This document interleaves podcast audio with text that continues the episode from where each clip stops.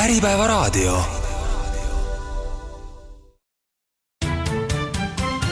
sisuturundussaade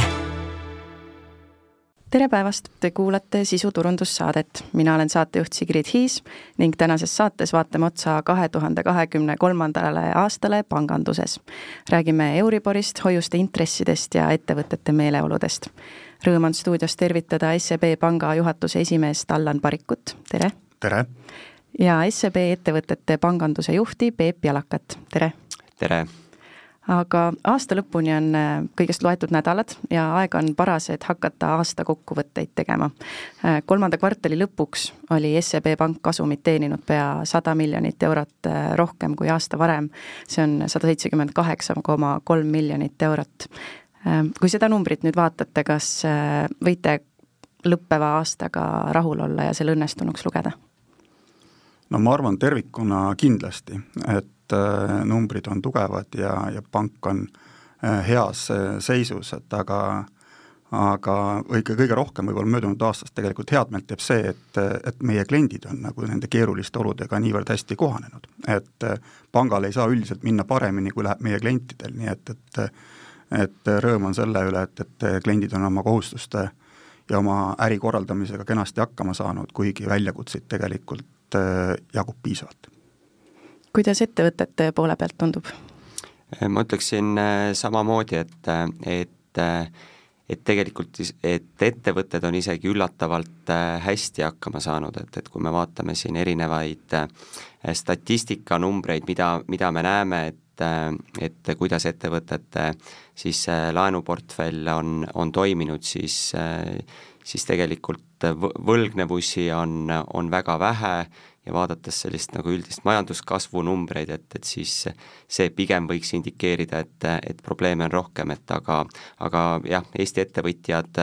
on olnud see aasta, see aasta tublid ja, ja äh, kõik on hetkel hästi. seda on hea kuulda Lisaks äh, Euriborile on sel aastal ka hoiuste intressid äh, teinud väga kiire tõusu kui palju on võimalik erinevate hoiuste ja arvelduskontoga aasta jooksul teenida? saab seda niimoodi üldse vastata? ei, ei kindlasti saab, et eh, ma just vaatasin huvi pärast siis üheteistkümne kuu numbreid ja, ja ja mida need näitavad, näitavad seda tegelikult, et meie kliendid on siis selle aasta üheteist kuuga teeninud eh, hoiuste pealt eh, ligikaudu viiskümmend miljonit eurot. möödunud aastal oli see summa kaks miljonit. et ehk siis nagu tegelikult klientide nii-öelda teenistus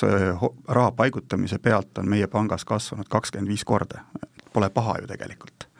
Ja, ja omalt poolt me olemegi tegelikult aasta jooksul teinud hästi palju tööd ka selleks, et suurendada klientide teadlikkust erinevate nii-öelda raha paigutamise võimaluste osas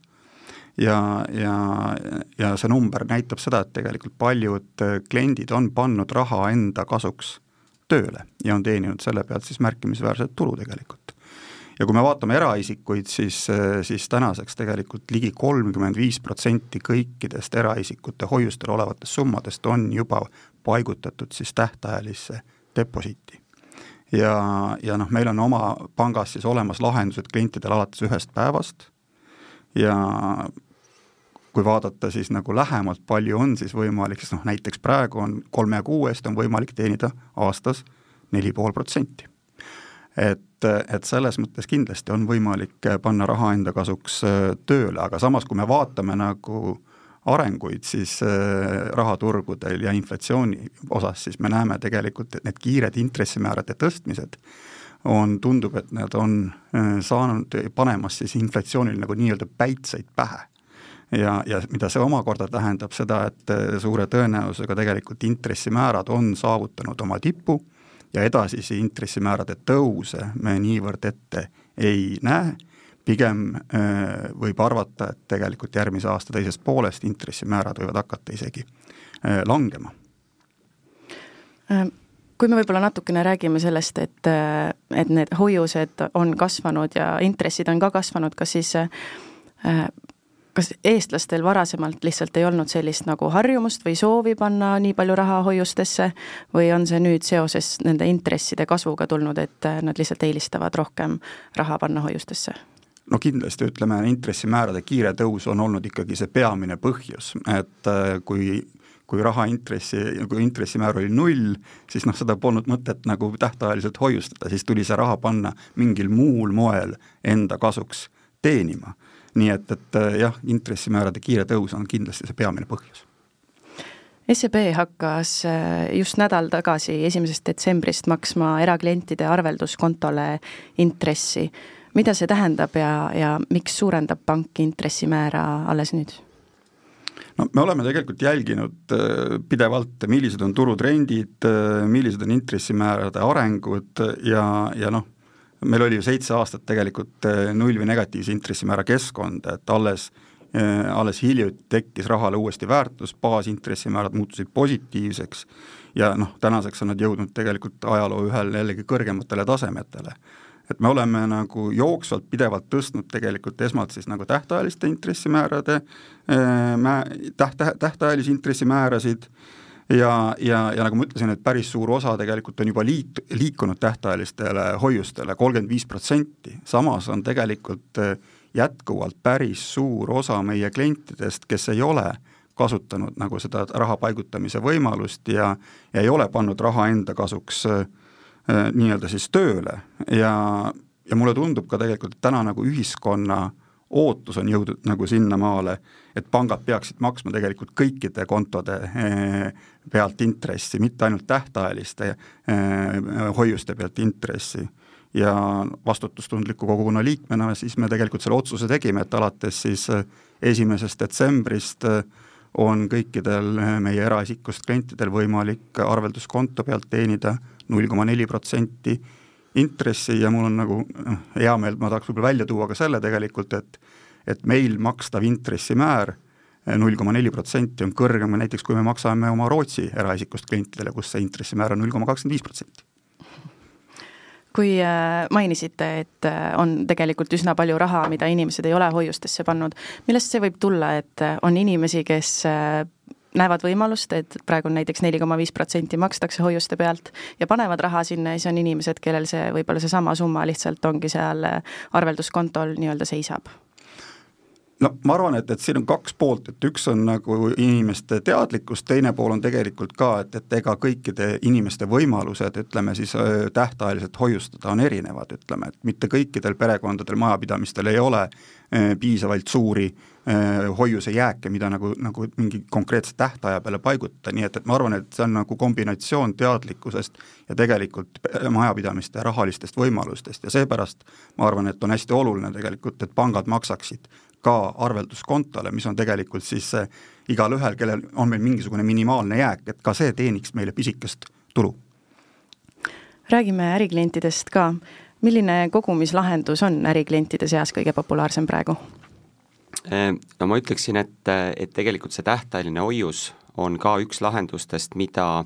mida ärikliendid kasutavad, et, et kui Allan ütles, et eraklientidel on see tähtajaliste hoiuste Äh, määr tõusnud juba kolmekümne viie protsendini, et et äriklientidel on see mõnevõrra väiksem et, et äh, kakskümmend protsenti siis äh, rahast on täna paigutatud tähtajalistele hoiustele. aga mis on kõige populaarsem, et et äh, ma ütleksin, et siis üleöö deposiidi lahendus on, on see, mida ärikliendid äh, kõige rohkem äh, kasutavad, et ja, ja mis see tähendab, et ta tegelikult olemuselt on, on hästi sarnane siis arvelduskontole makstava intressiga, mida me siis eraklientidele rakendame, aga, aga kuna äriklientide kontojäägid on enamasti siis suuremad, ja, ja üle deposiiti me hakkame maksma siis alates viiekümnest tuhandest eurost, et ehk siis kui, kui on ärikliendi äh, kontojääk päeva lõpus on,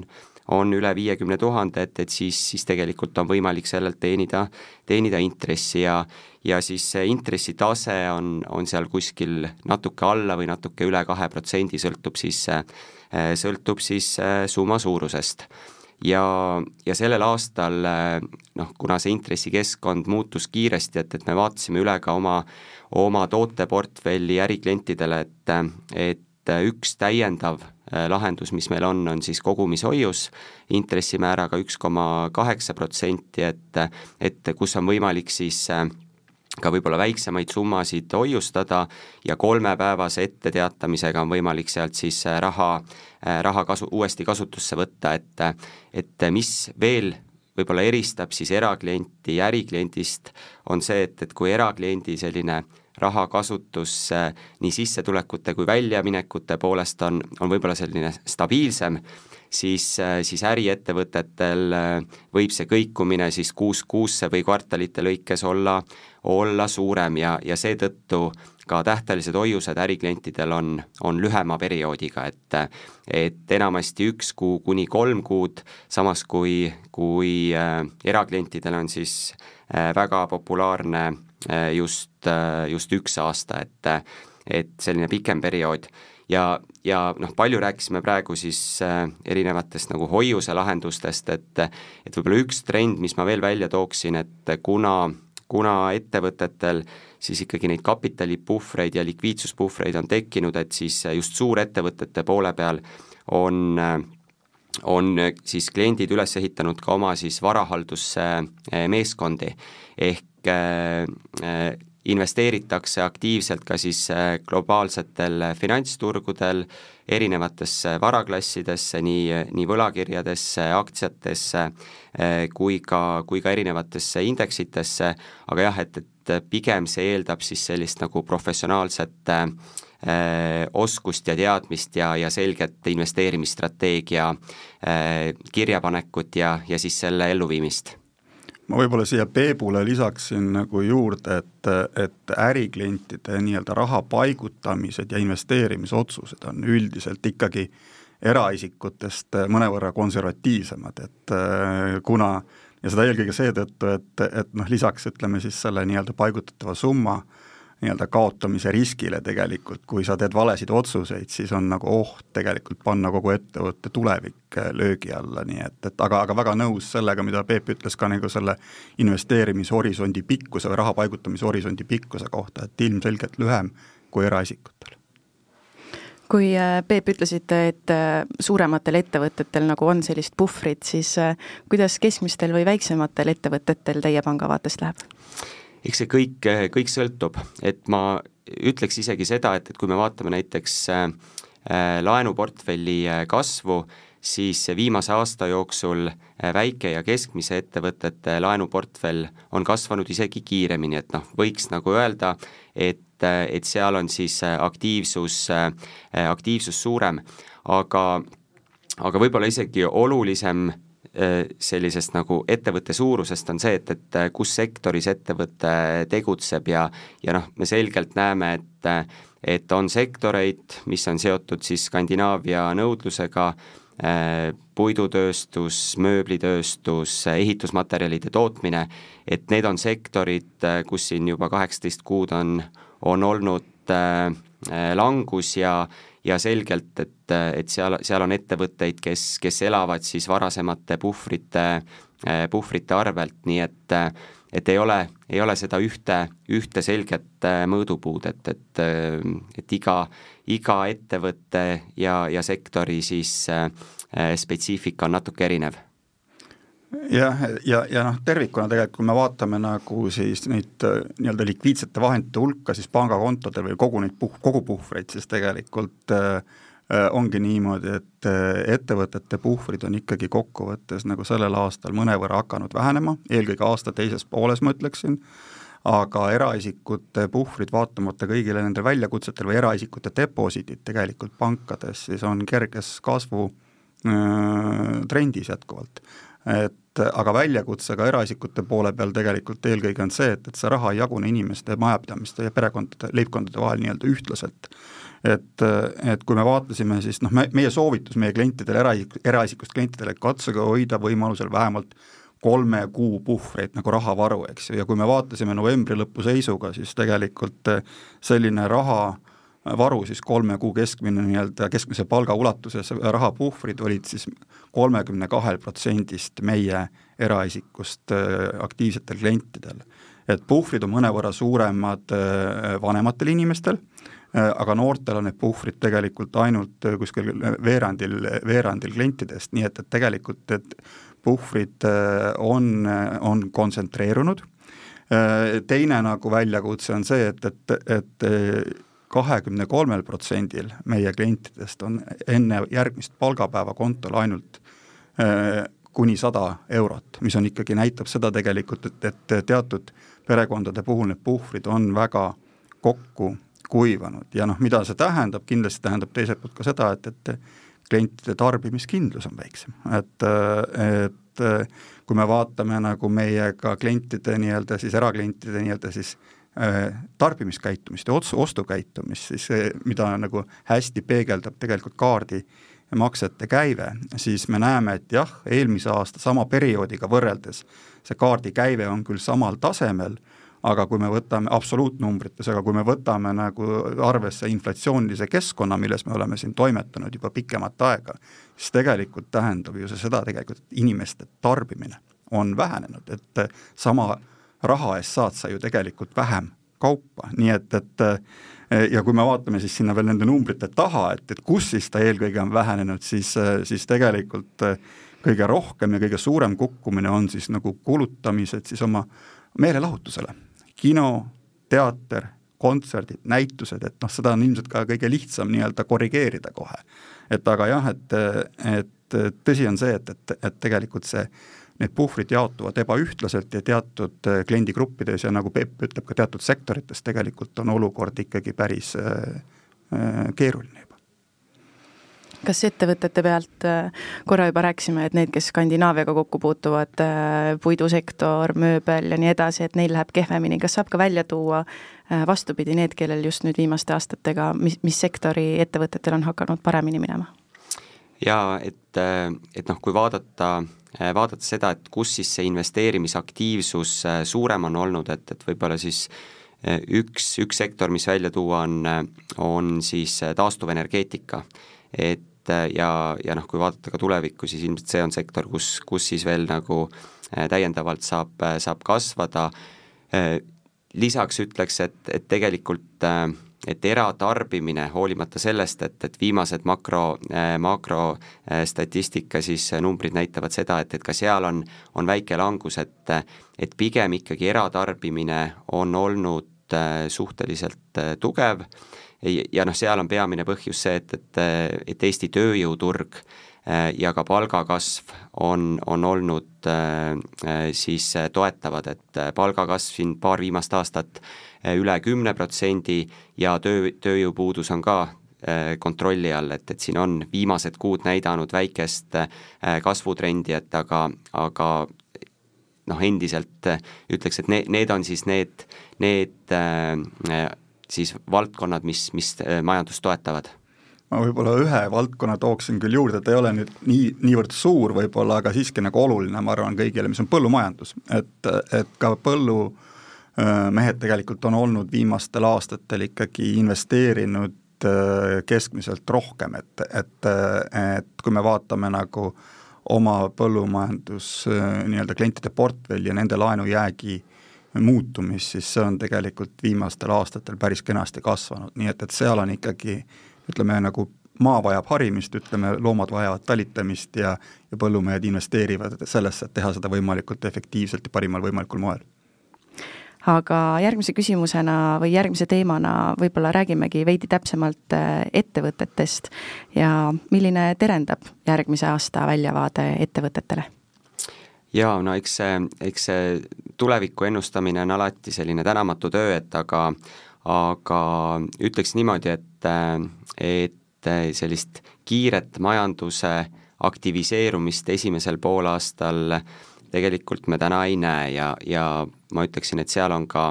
ka analüütikutel selline üldine konsensus, et, et esimese poolaasta siis äh, välisnõudlus on, on üsna nõrk ja Eesti siis äh, avatud majandusena, et noh, meil tegelikult saab minna nii hästi, kui läheb meie ekspordipartneritel. ja kui me vaatame Eesti peamiseid ekspordipartnereid, siis, siis see on peamiselt äh, Skandinaavia ja, ja Põhjala, Põhjala riigid. ja, ja kui me omakorda vaatame siis äh, majanduskasvu äh, prognoose Soomele ja Rootsile, siis paraku vaatab sealt järgmisel aastal vastu Soomele pluss null koma viis ja Rootsile miinus null koma neli. ehk eh, tegelikult siis äh, olulist kasvu ei, ei paista ja, ja loomulikult see, see siis omab mõju ka ka Eesti ettevõtetele. et me viisime läbi septembris siis Eestis ja, ja oktoobris Rootsis finantsjuhtide siis uuringu ja, ja noh, sealt paistab välja nii Eesti kui, kui Rootsi äh, turul see, et, et finantsjuhid on järgmise aasta äh, osas äh, pessimistlikud, et Rootsi puhul toodi isegi välja see, et, et viimati oldi nii, nii negatiivsed siis viisteist aastat tagasi eelmise finantskriisi, kriisi ajal. et et see on see, see tänane pilt. Samas kui, kui me vaatame nüüd kakskümmend, kakskümmend neli teise poolaastasse, siis äh, üldine ootus on, et intressimäärad äh, hakkavad langema, inflatsioon on juba täna äh, siis kontrolli all ja, ja üldiselt see intressimäärade langus peaks uuesti elavdama ka, ka majandust, nii et, et ma usun, et siis esimene poolaasta on, on veel raske, et aga, aga tunneli lõpus peaks, peaks paistma valgus ja, ja loodetavasti see jõuab kohale kakskümmend kakskümmend neli eh, teises pooles. Aga, aga võib-olla olulisem veel sellisest nagu lüh-, lühemast perspektiivist on, on, on ka see, et, et milline on Eesti, Eesti ettevõtete pikaajaline konkurentsivõime ja ja ma arvan, et, et Eesti ettevõtjad peaksid, peaksid tegelikult äh, aktiivselt mõtlema ka, mõtlema ka selle peale, et, et ka kakskümmend, kakskümmend viis ja aastal kakskümmend kolmkümmend äh, olla siis äh, atraktiivseks äh, partneriks äh, välis, välisklientidele. jah, ja, ja kui vaadata võib-olla just seda nagu pikemat horisonti ja pikemat konkurentsivõimet, siis see tegelikult ikkagi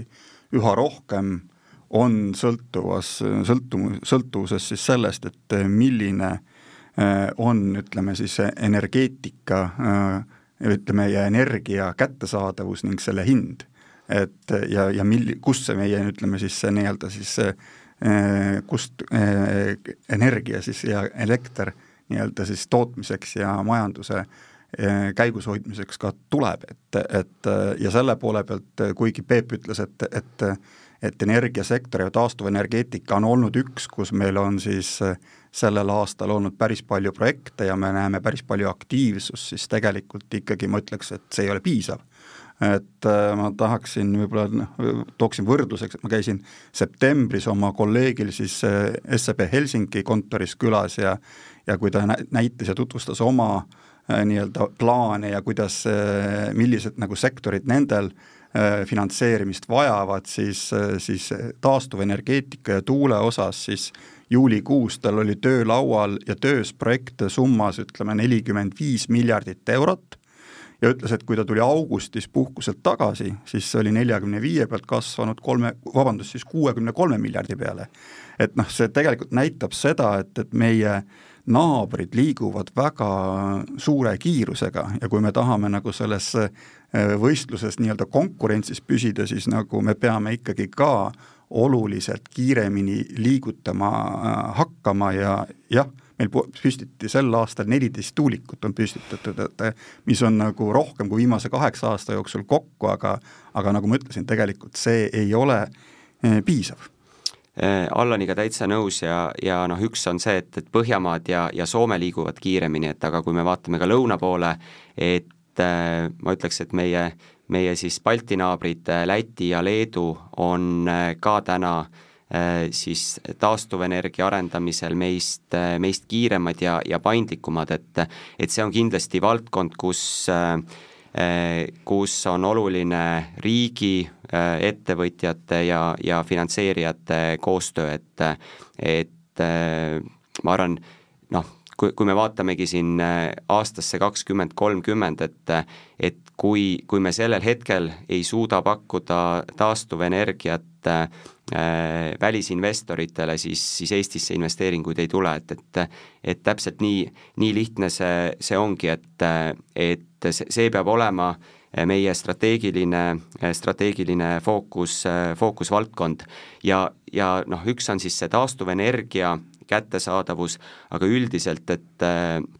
ma arvan, et selline pikaajalisem trend on, on see, et, et kas Eesti ettevõtted suudavad mõõta oma, oma siis CO2 jalajälge ja, ja kas nad suudavad selle siis konverteerida oma konkurentsieeliseks globaalsel turul. et see on midagi, mida täna juba siis ütleme, läänemaailm eeldab ja, ja, ja ootab ja, ja noh, me näeme, et, et seal on äh,, on aktiivsus tõusnud, aga, aga kindlasti peaks äh,, peaks seal tegema äh, veel täiendavaid äh, samme, et, et see, see reaalseks konkurentsieeliseks äh, äh, saaks. ja, ja võib-olla üks, üks selline äh, see kahekümne äh, aga võib-olla, vabandust, korra isegi segan vahele siin, et, et, et noh, selle, mis puudutab seda taastu, ütleme just seda nii-öelda siis selle jalajälje ja CO2 ja ESG temaatikat kõike, siis, siis noh, tegelikult ma ütleksin isegi niimoodi, et, et noh, ettevõtetel on täna viimane aeg hakata ja integreerida, teha plaan, kuidas see integreerida oma äristrateegiasse, sest tegelikult mitte ainult sellest ei sõltu konkurentsivõime, ma ütlen, et juba lähitulevikus hakkas, hakkab sellest sõltuma äh, sellest, milline on ettevõtte ligipääs uutele turgudele, klientidele ja kapitalile äh, absoluutselt äh, nõus ja, ja noh, seal tulebki liikuda tegelikult kiiresti ja, ja teiselt poolt see on ka valdkond, kus ma ütleksin, et, et regulatsioon muutub kõige rohkem. et täna ei ole kõik teada, millele ettevõtted üldse peavad kahe-kolme-viie aasta pärast vastama, nii et, et et ja, ja meie pangana tegelikult oleme seal eh, noh, võtnud selle rolli, et, et me tahame kliendile anda nõu, et eh, mis on viimased turutrendid, mis on ka ka siis globaalsel turul äh, ettevõtete praktikat, kuidas seatakse eesmärke, äh, milline on ettevõtte siis struktuur ja ülesehitus äh, jätkusuutlikkuse teemadega tegelemisel, et et kindlasti see on üks globaalne megatrend, mis ettevõtteid mõjutab. Ja, ja võib-olla siis sellise uue teemana tuli aastal kaks tuhat kakskümmend kolm siis sisse ai ja, ja tehisintellekt, et äh, et küsimus on, et, et kuidas seda Eesti majanduses äh, enda konkurentsieeliseks äh, pöörata ja, ja ma arvan, et, et täna on rohkem sellel teemal küsimusi, kui on vastuseid, aga, aga ühe, kahe-kolme aasta perspektiivis ma usun, et, et tulevad ka vastused ja minul on igal juhul usk Eesti ettevõtjate paindlikkusse ja nutikusse neid erinevaid võimalusi oma ärieduks siis äh, kasutada kui korra veel tagasi minna, te mõlemad tõite välja, et äh, nii Skandinaavias kui äh, Baltimaades ollakse nagu edukamad just taastuvenergia osas, siis mis see põhjus võib olla, et Eesti ettevõtted kuidagi ei saa seda järgmist käiku sisse? jah, no eks neid, eks neid põhjuseid on, on mitmeid, et, et kui me vaatame Äh, siis äh, tuuleparkide arendust, et, äh, et siin on on, on need protsessid tegelikult takerdunud ka, ka nende siis ütleme, projektide menetlemisel, et, et nagu ma ütlesin, et oluline on siis see, et, et riik ja, ja ettevõtjad teeksid, teeksid aktiivselt koostööd, samas noh, mis puudutab Eesti, Eesti siis sellist energiaturgu, et noh, me oleme väiksed ja, ja mis puudutab ka siis sellist äh, võimalikke nagu hinna fikseerimise äh, mehhanisme, et, et, äh, et neid on tegelikult Eesti turul vähe, ehk sellist ka investori kindlust või investori kindlus on võib-olla mõnevõrra nagu äh, Äh, madalam siis Eesti turul võrreldes, äh, võrreldes Skandinaaviaga, et et aga ma ütleksin jah, et, et äh, noh, lõppkokkuvõttes me teame, et meil taastuvenergiat on vaja, need projektid, mis on töös, need tuleb lihtsalt kiiremini ära menetleda ja, ja need, siis, siis saab need projektid ellu viia kui nüüd äh, üldisest majanduslikust äh, olukorrast rääkida ja võrrelda näiteks äh, Eesti ettevõtete meeleolu teiste Balti riikidega, siis kuidas panga poolt vaadates tundub, mis meeleolud valitsevad? No ma siin toetuksin siis meie septembris läbi viidud finantsjuhtide uuringule ja ja noh, see aasta tuli sealt selgelt välja see, et, et Eesti ettevõtjad olid järgmist kahtteist kuud hinnates pessimistlikumad kui, kui Lätis-Leedus et noh, siit loomulikult tekib siis küsimus, et, et aga miks see nii on, et miks me oleme täna siis äh, pessimistlikumad, et et üks hüpotees, mis, mis me ise püstitasime, oli siis see, et et äkki eestlane ongi oma, oma loomu poolelt siis konservatiivsem, et et aga ma ütleksin, et, et see hüpotees pigem ei leidnud kinnitust, sellepärast et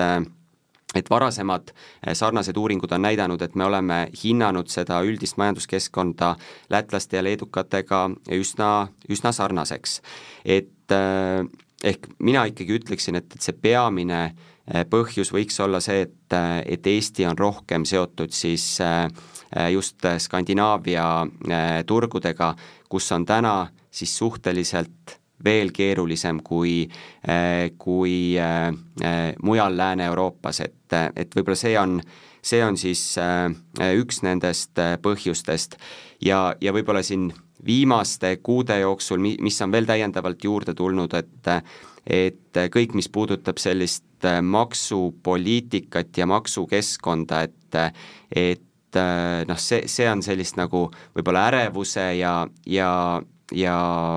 negatiivset mõju siis ettevõtete kindlustundele siis veel juurde lisanud, et, et võib-olla need on peamised aspektid räägime tööhõivest ka, kuidas äh, panga seisukohalt tööhõivega on? Te hiljuti otsisite lisaks äh, sada IT-talenti, kuidas sellega läks ja mis seisus äh, nüüd IT-valdkonnas olete? jaa, et see värbamine läks meil nagu väga edukalt, et meil oli eelkõige nagu otsisime sada, sadat täiendavat kätepaari ja, ja aju nii-öelda siis selleks, et nii-öelda kiiremini ära teha oma nii-öelda siis investeerimisplaanid ja uued lahendused, tuua kiiremini uued lahendused meie klientidele välja. Ja me meil oli see kampaania oli siis nagu värvata oli selle aasta teises kvartalis eelkõige ja põhimõtteliselt kolme kuuga tegelikult saime need sada nii-öelda eksperti, IT-spetsialisti oma majja ja meeskonda lisatud, noh kindlasti aitas sellele, ma arvan, kaasa ka finan-, fintech-sektori siis suhteline nõrkus, et tänases võib-olla mõnevõrra ebakindlamas maailmas kus kapitali kaasamine ja uute, uue täiendava kapitali kaasamine fintechidel ei ole niivõrd lihtne, siis ma arvan, töö rahvusvahelises siis ühes Eesti suurimas pangas on kindlasti hästi tugev äh, alternatiiv, meid nähakse eelkõige sellise äh, siis äh, stabiilse ja atraktiivse tööandjana, meil on väga tugev kapitaliseeritus, likviidsus, mis võimaldab meil olla nii-öelda hea partner nii meie töötajatele klientidele tegelikult mitte ainult headel, vaid ka ütleme, keerulisematel aegadel. Ja ma arvan, et sellise nii-öelda niisugune nagu safe harbor nagu maine keerulisematel aegadel on väga selgelt tunda ehk, ehk siis seega meil on täna suhteliselt kerge tegelikult värvata. ja võib-olla üks asi veel, mida ma tahaksin võib-olla välja tuua, on see, et, et kui viimastel aastatel noh, tegelikult on, on toimunud selline nii-öelda normaalne töötajate käive, sest on ju tegelikult normaalne, et inimesed ikkagi vaatavad ringi ja kas kuskil on parem ja kas kuskil on huvitavam ja mis võiks olla minu järgmine samm, siis tegelikult selline nii-öelda normaalne töötajate käive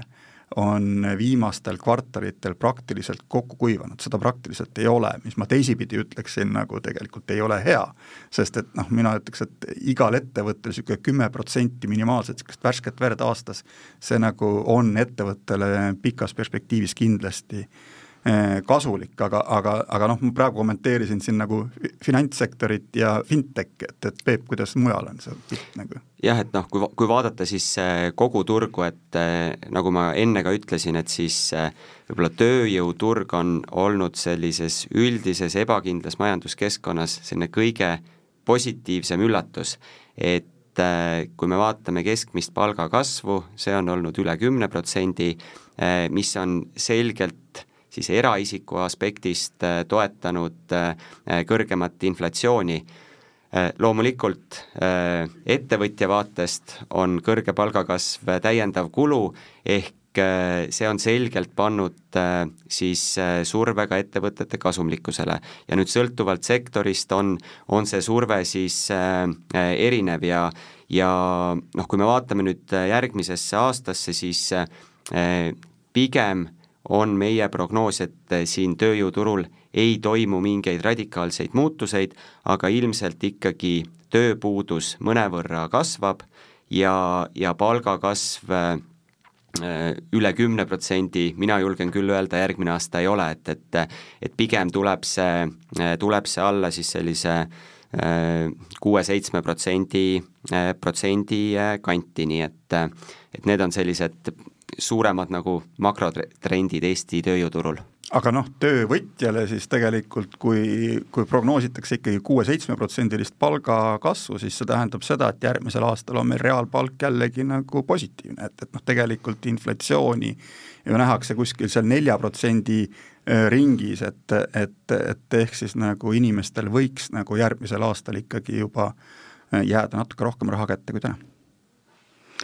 kui nüüd veel rääkida sellest äh, peagi algavast kahekümne neljandast aastast, siis äh, millised on SEB Panga ootused algavale aastale?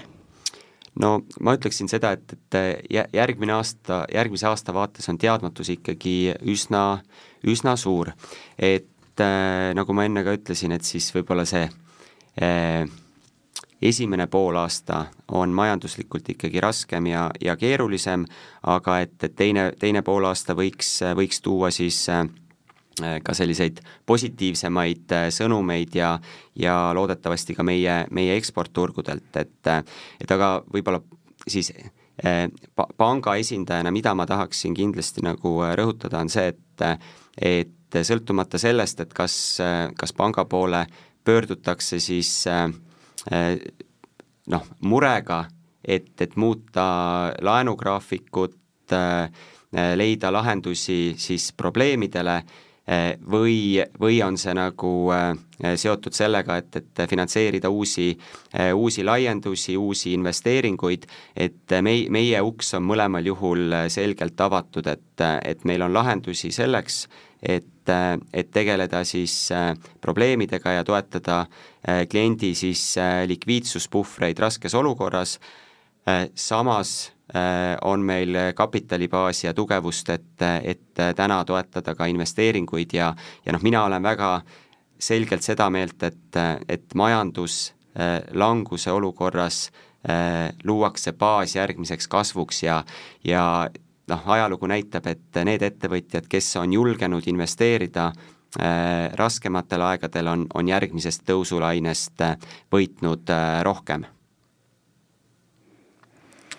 ja ma, ma loodan samuti, et Eesti ettevõtjate investeerimisjulgus tegelikult järgmise aasta teises pooles hiljemalt hakkab taastuma ja, ja minu soovitus ettevõtjatele on ikkagi nagu kogu aeg olnud see, et, et ärge laske nagu head kriisi nagu raisku, et et Eesti ettevõtja on küll kohanemise maailmameister, aga minu hinnangul nagu sellest ainult ei piisa, et, et noh, neid keerulisemaid aegasid tegelikult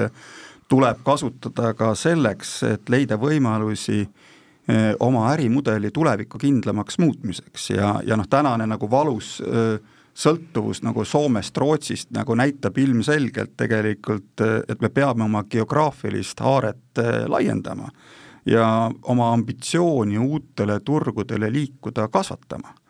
et Eesti turg on nagu sedavõrd väike, et, et kui me tahame olla nagu üle tsüklite nagu siis äh, tugevad, siis, siis äh, Eesti turul tegutsemiseks äh, ilmselt, ilmselgelt ei, ei piisa.